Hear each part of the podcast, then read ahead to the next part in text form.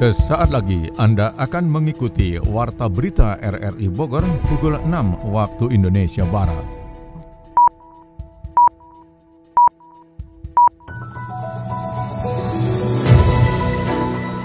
Selamat pagi.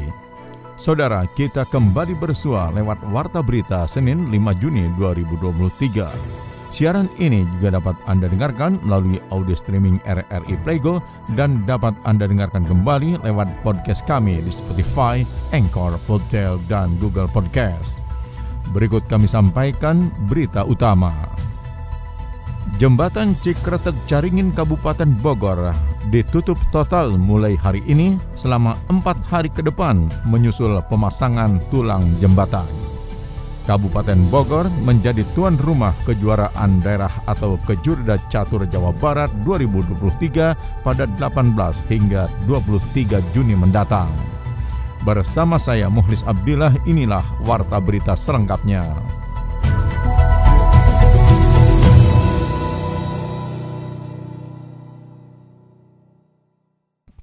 Saudara, jembatan Cikretek Caringin Kabupaten Bogor ditutup total mulai hari ini selama empat hari ke depan menyusul pemasangan tulang jembatan. Selengkapnya dilaporkan Adi Fajar.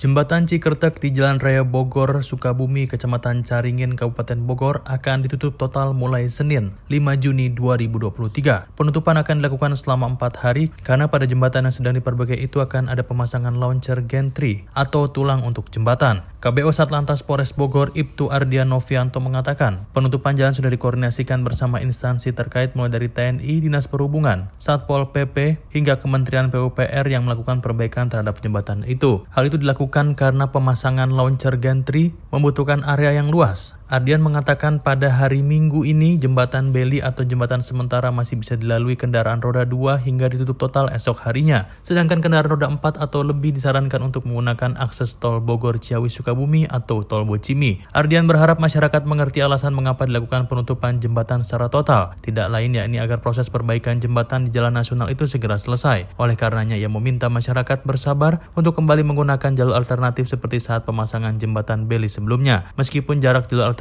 cukup jauh, namun penutupan jembatan merupakan urgensi dari pembangunan jembatan Cikarta. Sebanyak 541 tumpeng tak tersisa dikonsumsi masyarakat saat helaran Hari Jadi Bogor yang ke-541 tingkat Kabupaten Bogor di Pakansari Cibinong. Kita simak catatan Yofri Haryadi. Helaran Hari Jadi Bogor ke-541 tingkat Kabupaten Bogor meriah dengan hadirnya atraksi seni dan musik panggung serta pembagian 541 tumpeng kepada masyarakat di halaman pintu utama Stadion Pakansari Cibinong. Tumpeng yang dibawa dari masing-masing kecamatan sekabupaten Bogor tersebut ludes habis dikonsumsi oleh warga tidak lama setelah acara dibuka oleh panitia penyelenggara kegiatan. Dalam kesempatan tersebut, PLT Bupati Bogor Iwan Setiawan mengatakan jumlah tumpeng yang dibagikan ternyata lebih dari 541 buah mencapai 1000 melihat tingginya animo masyarakat yang hadir di Stadion Pakansari Cibinong. Di tengah tumpah ruahnya masyarakat yang berjalan kaki dan bersepeda juga dimanfaatkan sebagai media sosialisasi keliling bus KPK di sekitar mereka. Ini kan satu hari setelah kegiatan Hari Jadi Bogor ya yang ke-541 dan kebetulan uh, beberapa minggu yang lalu Pemda Bogor koordinasi dengan tim KPK ada kegiatan roadshow bis KPK hari setelahnya jadi kita uh, untuk kegiatannya itu hari ini uh, kita punya target buat 541 tumpeng ya saya tadi udah cek setiap desa ngirimin dinas kecamatan alhamdulillah dari kita oleh kita untuk kita semua tumpengnya udah tadi saya dengan Pak Wawan dilihat Hari kedua HJB Kabupaten Bogor juga diadakan senam Hajar, Serangan Fajar, yang dipimpin oleh instruktur dari pemerintah Kabupaten Bogor. Deputi Pendidikan dan Peran Masyarakat KPK, Wawan Wardini, juga mengingatkan kepada masyarakat dan tokoh politik di Kabupaten Bogor untuk tidak terbujuk rayu serangan Fajar dan perilaku korupsi. Apa pesan-pesan dari KPK ini, khususnya tadi, bagaimana menanamkan nilai-nilai anti korupsi ini, ya, yang sembilan nilai tadi bisa sampai ke masyarakat. Dan tema khusus hari ini, tema untuk untuk yang sekarang ini, yang jelajah anti korupsi ini memang terkait dengan serangan fajar. Kita tahu 2023 mendekati 2024 adalah tahun politik maka KPK juga punya kewajiban untuk mengingatkan peserta pemilu dan masyarakat sebagai pemilih untuk sama-sama menjaga agar pemilu kita jujur, adil, terbebas dari serangan fajar. Makanya tagline-nya adalah hajar serangan fajar. Hari Jadi Bogor yang dihelat di halaman VIP Stadion Pakansari juga turut dimeriahkan oleh stand dari dinas yang berada di Kabupaten Bogor dengan membuka berbagai macam stand makanan, mulai dari kopi, makanan tradisional seperti gudeg Jogja sampai dengan sembako, salah satunya telur ayam negeri. Hari Jadi Bogor atau HJB ke-541 bertepatan dengan terang bulan dalam kalender Sunda. Catatan selengkapnya disampaikan Sony Agung Saputra.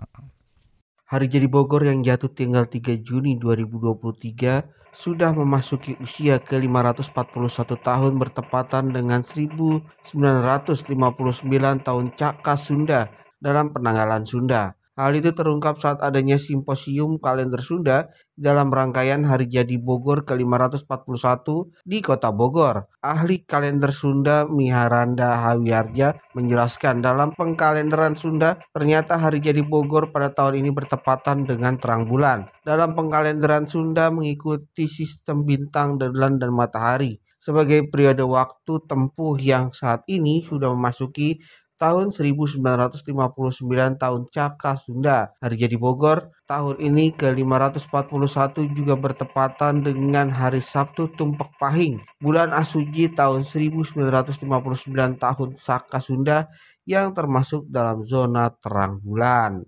3 Juni ini eh, tanggal 3 Juni 2023 yang mana ini menjadi uh, peristiwa penting untuk Kota Bogor yaitulah memperingati hari jadi. Ya hmm, kan? Bertepatan dengan apa? Bertepatan.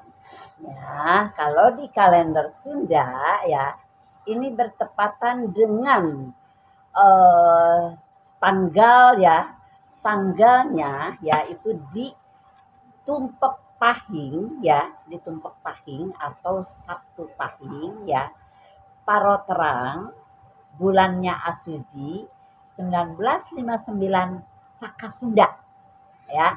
Nah, ini ber, bertepatan dengan perang gitu ya, kalau Caang gitu ya. Nah, itu di kalender Sundanya. Dan di Tumpak Pahing ini eh, kita mempunyai satu hari-hari yang Menurutnya secara filosofis Hari Jadi Bogor tahun ini mengandung arti transformasi budaya dan kearifan lokal dengan adanya nilai-nilai yang terus dipegang oleh generasi saat ini dan mendatang sebagai warisan dari generasi leluhur. Transformasi budaya ini membawa ke arah kebaikan jika dilakukan dengan seksama diawali dengan adanya niat untuk bersama melakukan berbagai kerja nyata untuk menuju hari esok yang lebih baik. Nilai leluhur yang uh, tetap harus dipetik ya. Uh, untuk kota Bogor karena kota Bogor itu sebetulnya kan inti ya inti. Karena pajajaran terakhir tadi ya. Jadi yang harus dipetik dari sini uh, harus tetap memandang ke depan untuk Bogor ya. Karena ini berkaitan dengan transformasi budaya seperti apa maksudnya transformasi budaya? Nah, jadi tadi orang transformasi budaya ini transformasi adalah sebuah perubahan. Jadi jangan terlalu melihat ke belakang, coba pandang ke depan. Paham Jadi apa namanya bangga dengan uh, sesuatu yang dia juga tidak paham. Dia tidak paham. Dia cuma kata cenah jek beja yen Prabu Siliwangi itu bla bla bla bla. Cenah dia aja baru umur sekian dalam rangkaian Hari Jadi Bogor ke-541 ini juga bertepatan dengan akhir tahun pengkalenderan Sunda yang akan memasuki tahun baru di tanggal 25 Juni karena memasuki tahun 1960 tahun Caka Sunda yang akan diperingati oleh masyarakat Tatar Pasundan. Program Pemberdayaan Rukun Warga atau P2RW Kota Sukabumi merupakan program unggulan Kota Mochi tersebut untuk mempercepat pembangunan wilayah berbasis aspirasi masyarakat. Catatan selengkapnya disampaikan Adi Fajar. Program pemberdayaan rukun warga atau P2RW di Kecamatan Warudoyong, Kota Sukabumi tahun ini akan dimanfaatkan untuk pelaksanaan 58 kegiatan yang telah direncanakan oleh masyarakat. Hal ini diungkapkan oleh Camat Warudoyong Ratna Hermayanti. Adapun jenis kegiatan yang akan dilaksanakan oleh masyarakat Kecamatan Warudoyong memanfaatkan P2RW di antaranya pembangunan sarana air bersih, posyandu, peningkatan kualitas jalan lingkungan, serta pembangunan septic tank komunal. Ratna mengatakan kegiatan P2RW di wilayahnya menjadi wadah percepatan pembangunan berbasis kebutuhan warga, di antaranya penuntasan kawasan kumuh dan perbaikan rumah tidak layak huni atau RTLH. Eh, Alhamdulillah ya, eh, kita tadi sudah melaksanakan launching P2RW tingkat kecamatan tahun 2023. Jadi dengan adanya stimulan 25 juta dan semenjak tahun 2021 stimulan tersebut dapat mengungkit swadaya masyarakat. Karena masyarakat uh, sekarang sudah menyadari betapa kebermanfaatan P2RW untuk jalan lingkungan khususnya karena uh, kita lihat untuk tahun berdasarkan data tahun 2021 itu swadaya masyarakat sejumlah 222 juta rupiah. Nah, di, lalu berlanjut ke 2022, alhamdulillah ada kenaikan signifikan, yaitu di mana warga Kelurahan Sukakarya memberikan hibah tanah. Sementara itu, Wali Kota Sukabumi Ahmad Fahmi menambahkan bahwa P2RW merupakan program unggulan yang dibesut untuk percepatan pembangunan wilayah berbasis aspirasi masyarakat. Pihaknya mengatakan bahwa kawasan kumuh yang pada tahun 2019 berjumlah 139 hektar, saat ini hanya tersisa 5 hektar setelah dilakukan berbagai upaya penataan, salah satunya melalui P2RW. Ia pun menargetkan kawasan kumuh yang tersisa dapat dituntaskan pada tahun ini yang merupakan masa terakhir kepemimpinannya mudah-mudahan sebagaimana di kecamatan yang lain yang sudah di launching, ini teman-teman para RW segera melaksanakan pekerjaan sesuai dengan yang telah direncanakan. Sehingga harapan kami terjadi percepatan pembangunan berbasiskan wilayah. E, diserahkan sesuai dengan e, apa e, hasil rembuk warga di masing-masingnya. Jadi kami serahkan kepada para RW, tetapi kami juga lebih mengarahkan bahwa ada baiknya P2RW ini memang dalam rangka untuk pengentasan kawasan kumuh di wilayah tersebut. Berdasarkan lubuk warga, prioritasnya pengentasan kekumuhan. Fahmi berharap adanya partisipasi penuh warga dalam semangat membangun wilayahnya masing-masing. Pemkot Sukabumi pun mengapresiasi kepada para pengurus RT, RW, dan LPM yang selama ini telah menyumbangkan gagasan pembangunan demi terciptanya pembangunan inklusif di kota Mochi itu. RSUD Kota Bogor mulai merevitalisasi gedung poliklinik dengan anggaran 37 miliar yang bersumber dari APBD Kota Bogor. Revitalisasi yang peletakan batu pertama pembangunannya dilakukan Wali Kota Bogor Bima Arya bertepatan dengan HJB yang ke-541 itu ditargetkan rampung Desember tahun ini. Wali kota berharap pembangunan poliklinik tersebut selesai tepat waktu dengan kualitas baik dan tidak mengganggu pelayanan serta memberikan sentuhan-sentuhan pelayanan yang lebih manusiawi. Ia mengingatkan, secanggih apa pun gedung yang akan dibangun, mewah dan bersih, tetap harus mengutamakan pelayanan yang baik bagi warga yang berobat. Jangan ada pelayanan yang kurang baik kepada warga, terutama saat menyambut kedatangan mereka.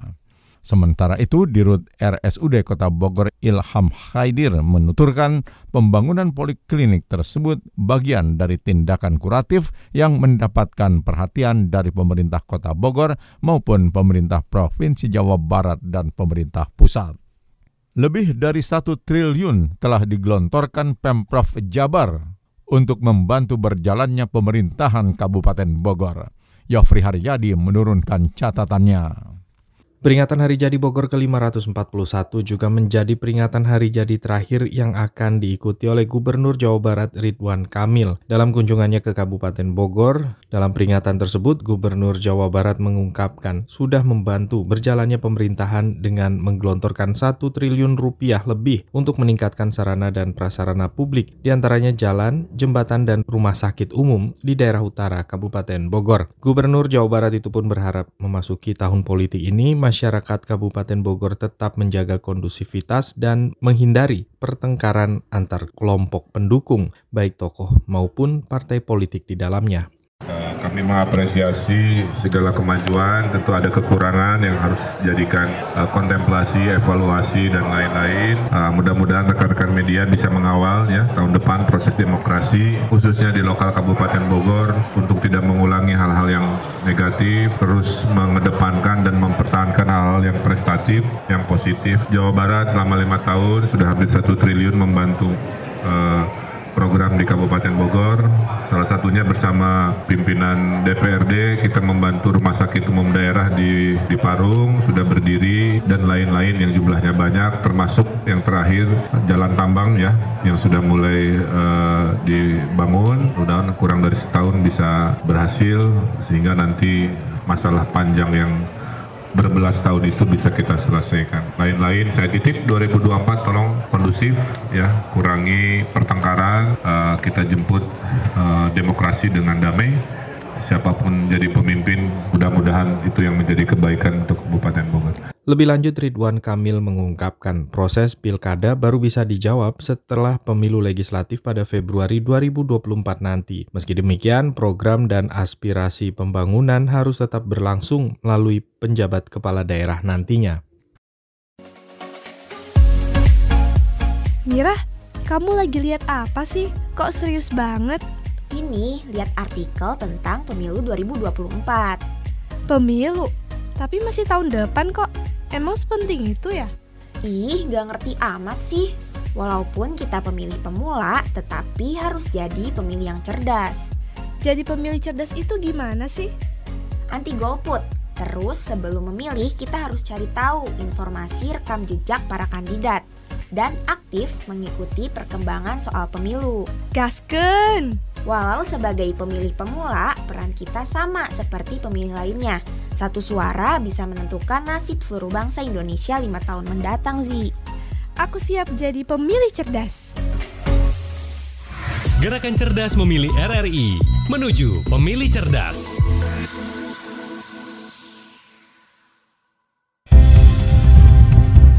Saudara, Anda tengah mengikuti Warta Berita dari Radio Republik Indonesia Bogor. Untuk mengurangi impor, Indonesia tengah meningkatkan produksi kedelai dalam negeri.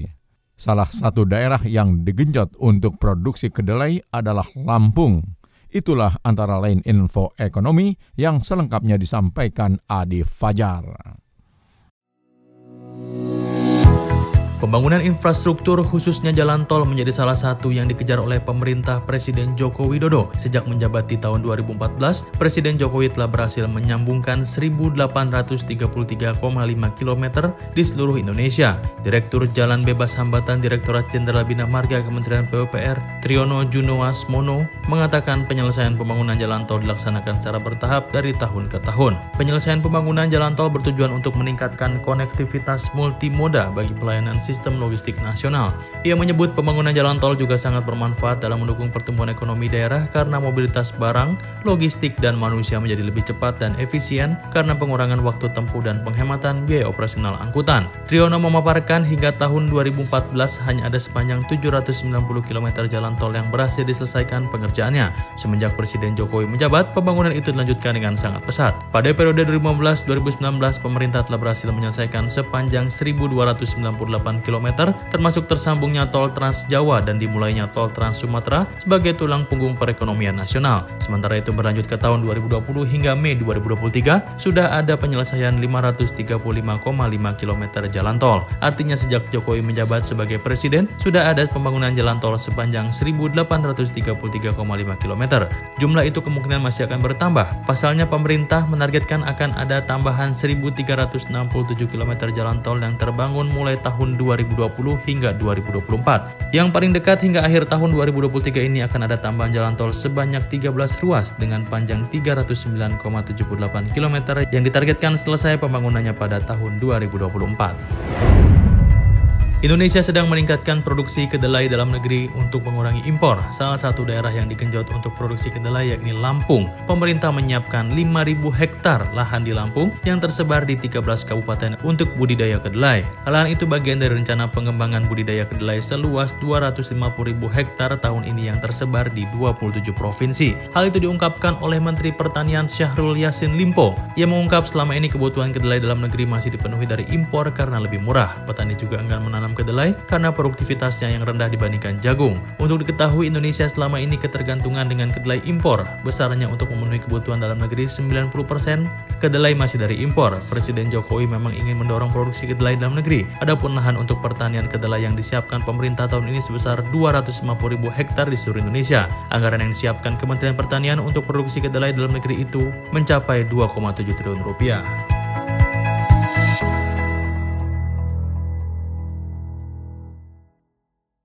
Kota Bogor kini memiliki maskot bernama Rusa Bogor atau Rubo yang diluncurkan bertepatan Hari Jadi Bogor HJB yang ke-541.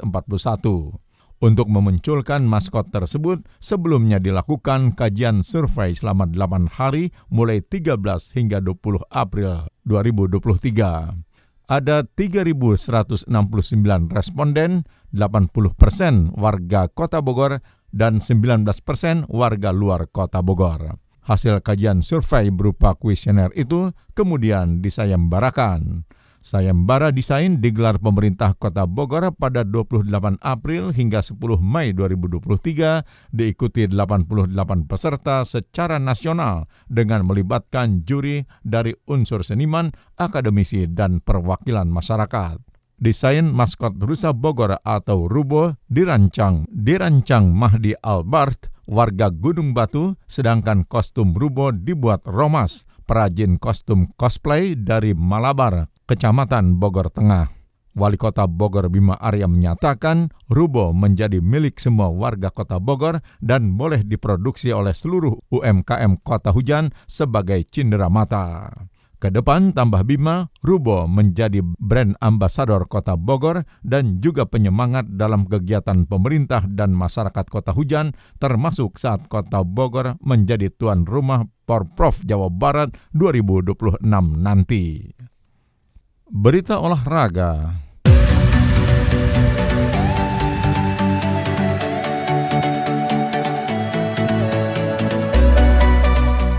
Menpora Dito Aryo Tejo menilai sekarang ini lari trail merupakan cabang olahraga yang sangat diminati masyarakat.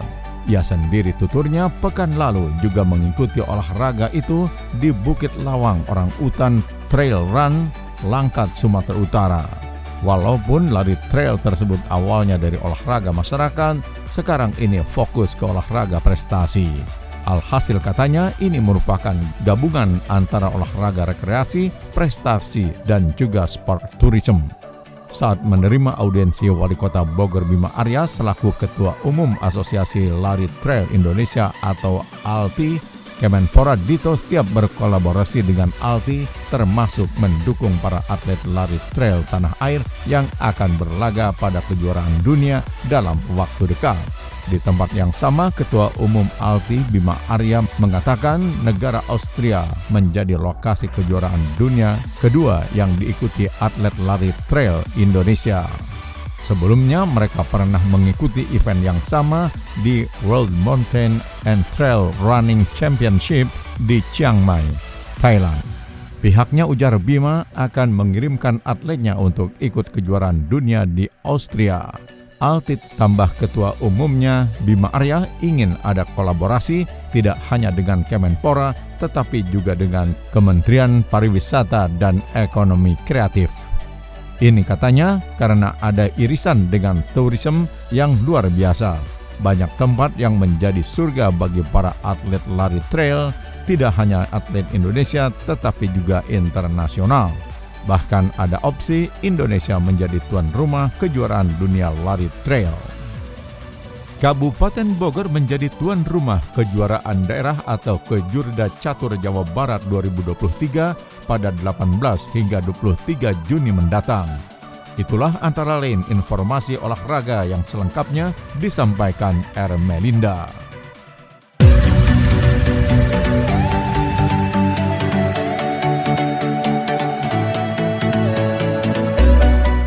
Persatuan Catur Seluruh Indonesia Percasi Kabupaten Bogor tengah fokus mempersiapkan diri menjadi tuan rumah pelaksanaan kejuaraan daerah Kejurda Catur Jawa Barat 2023 yang akan berlangsung dari tanggal 18 hingga 23 Juni 2023 nanti.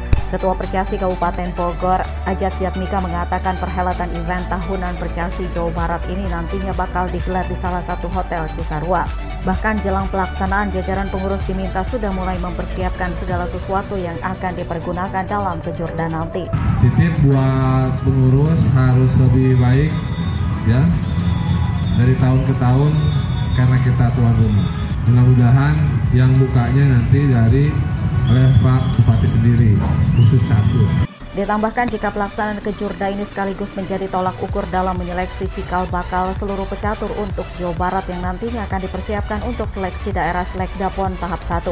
Selanjutnya atlet Percasi Kabupaten Bogor Hesti Kurnia Putri mengatakan persiapan yang dilakukan untuk menghadapi kejurda. Ia dan timnya berlatih rutin setiap minggunya diawali dengan olahraga ringan persiapannya untuk untuk tim Kabupaten Bogor kita persiapannya selalu latihan rutin minggu biasanya sih kita memulai dengan olahraga dulu.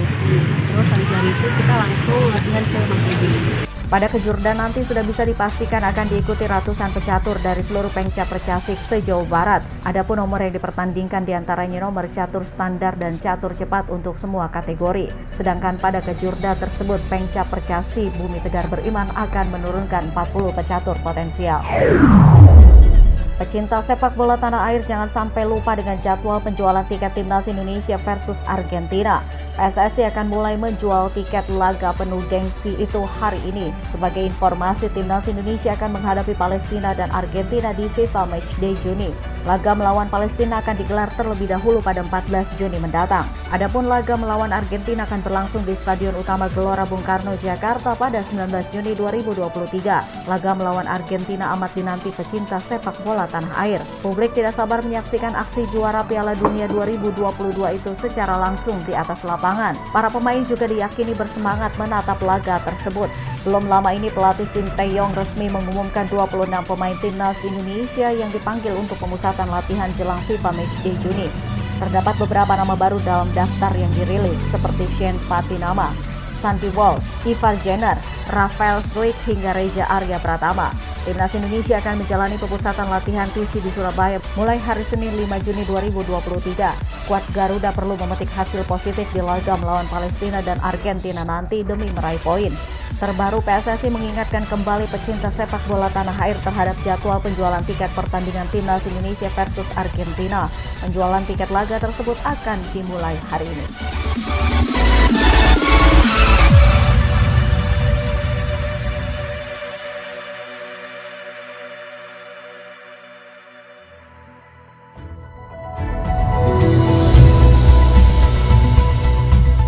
Saudara, informasi olahraga tadi sekaligus menutup perjumpaan kita lewat Warta Berita RRI Bogor pagi ini.